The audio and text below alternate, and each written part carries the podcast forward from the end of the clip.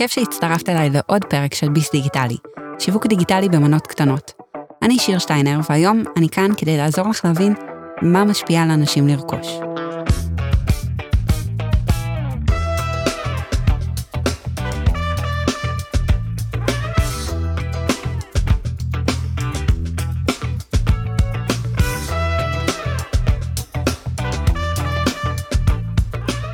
אם הגעת לכאן, אני מנחשת שיש לך עסק, ואת רוצה להבין יותר לעומק איך הקהל שלך חושב, ומה את יכולה לעשות כדי לגרום לו לרכוש דווקא ממך. אני מניחה ששמעת לא פעם ולא פעמיים את המשפט, הלקוחות רוצים פתרון לבעיה שלהם.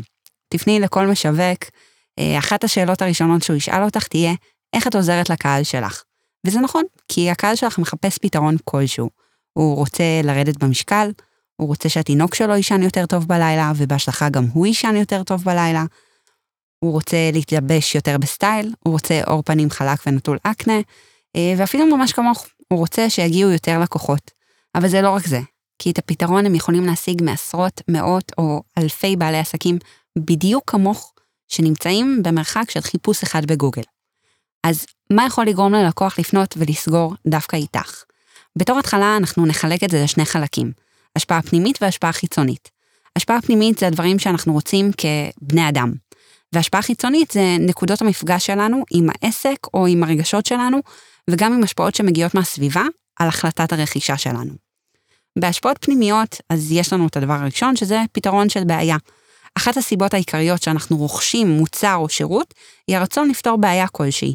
גם במוצר הכי בסיסי בעולם, כמו סבון ידיים. הבעיה היא שהידיים שלי מלוכלכות, ואני רוצה לנקות אותן.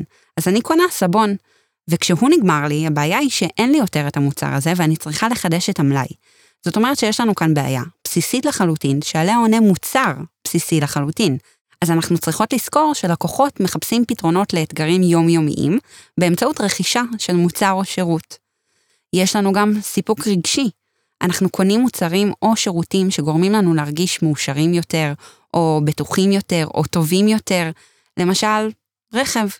אפשר לקנות פיאט, ואפשר לקנות רכב יוקרה כמו פורש, שנותן לנו תחושה של יוקרה, או אה, נותן לנו הרגשה טובה יותר עם עצמנו, עם ההישגים שלנו, עם הכסף שלנו.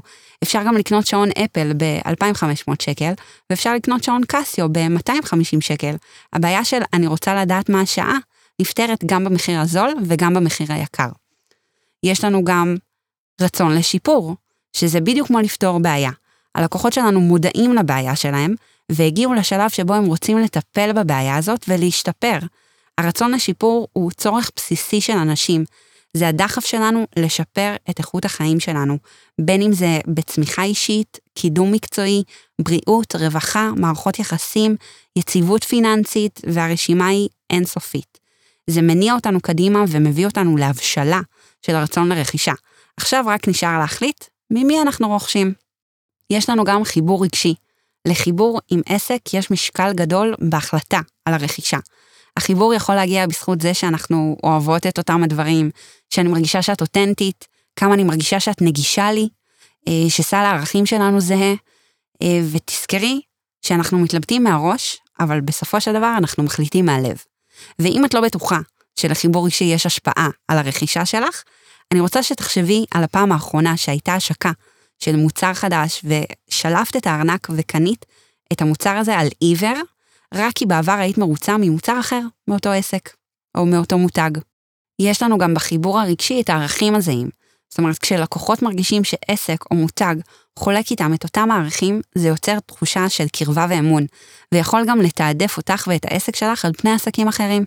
יותר מזה, במידה והערכים המדוברים הם לא באמת מה שיוצא בפועל. זאת אומרת, אה, דוגמה מאוד מוקצנת, מסעדה טבעונית שעל השולחן יש מפה מאור. אוקיי? זה עלול לגרום לפעולה הפוכה, לאיבוד אימון ודיס המלצות בהמשך, ומקום שלא תחזרי אליו אף פעם.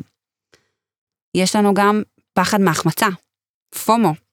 לזמן מוגבל, לעשרה הראשונים, נשארו רק אה, חמש יחידות, שלושה אנשים נוספים אה, צופים בנכס, להיום בלבד.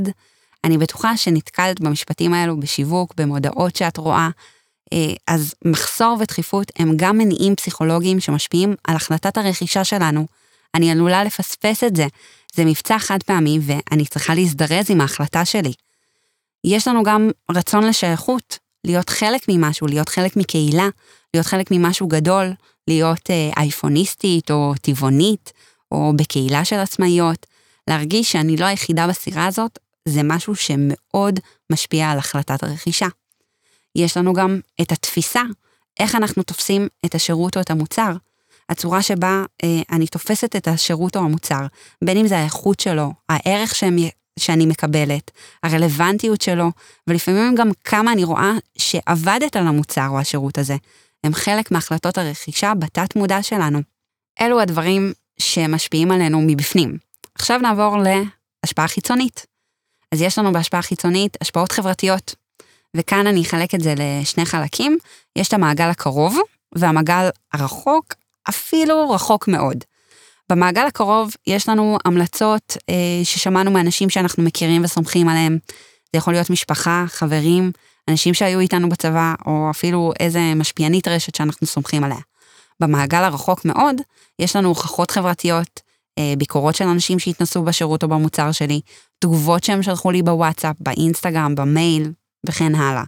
אנשים גם נוטים לסמוך על אנשים שנתפסים בעיניהם כמומחים, על דמויות סמכותיות, על אנשים שמקרינים החוצה הצלחה, וגם מראים קבלות, זאת אומרת, הודעות של לקוחות שעברו שינוי, תמונות של לפני ואחרי. יש לנו גם גורמים כלכליים. יכול להיות שאני מתחברת אלייך מאוד, יש לנו את אותו סל ערכים, יש בי את הרצון לשיפור, אני יודעת מה אני אקבל אם אני אבוא אלייך, אבל אין לי את היכולת הכלכלית לשלם על השירות שלך. גם לזה יש השפעה, לפעמים גדולה ומשמעותית, בהחלטה שלי. לפעמים אני גם אציב לעצמי איזשהו סכום מסוים שאותו אני מוכנה לשלם על שירות או מוצר, ואם המחיר חורג, וכאן אני שמה כוכבית, כי אם הוא חורג בסכום שבעיניי הוא קטן ואני מוכנה לספוג אותו, אז רוב הסיכויים שאני כן אעשה את המאמץ וארכוש. אבל אם המחיר של המוצר או השירות הוא גבוה בהרבה מהמחיר שאני מוכנה לשלם, אני לא ארכוש אותו. אני אתן לך דוגמה ממני, אני יודעת שיש לי התמכרות קלה לנעליים.